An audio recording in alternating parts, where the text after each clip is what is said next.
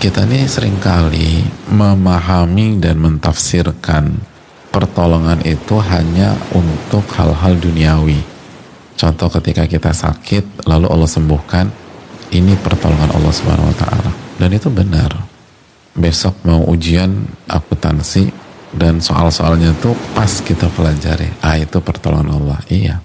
Pas kita lagi nggak punya uang terus dikasih uang, itu pertolongan Allah. Betul. Namun kita tuh sering lupa bahwa ada pertolongan yang lebih tinggi lagi yaitu pertolongan yang bernama taufik untuk melakukan amal ibadah. Ketika kita diberikan hidayah taufik untuk sholat witir gitu loh hadirin. Itu tuh pertolongan Allah. Sholat witir itu simple banget satu rakaat tapi kita lihat betapa banyak orang-orang kuat gitu ya bisa ngangkat barbel atau beban puluhan kilo tapi kesulitan mengangkat kelopak matanya untuk sholat witir. Padahal kelopak matanya tuh nggak berat-berat amat. Ini menunjukkan bahwa sholat itu tuh pertolongan Allah. Dan itulah inti dari semuanya.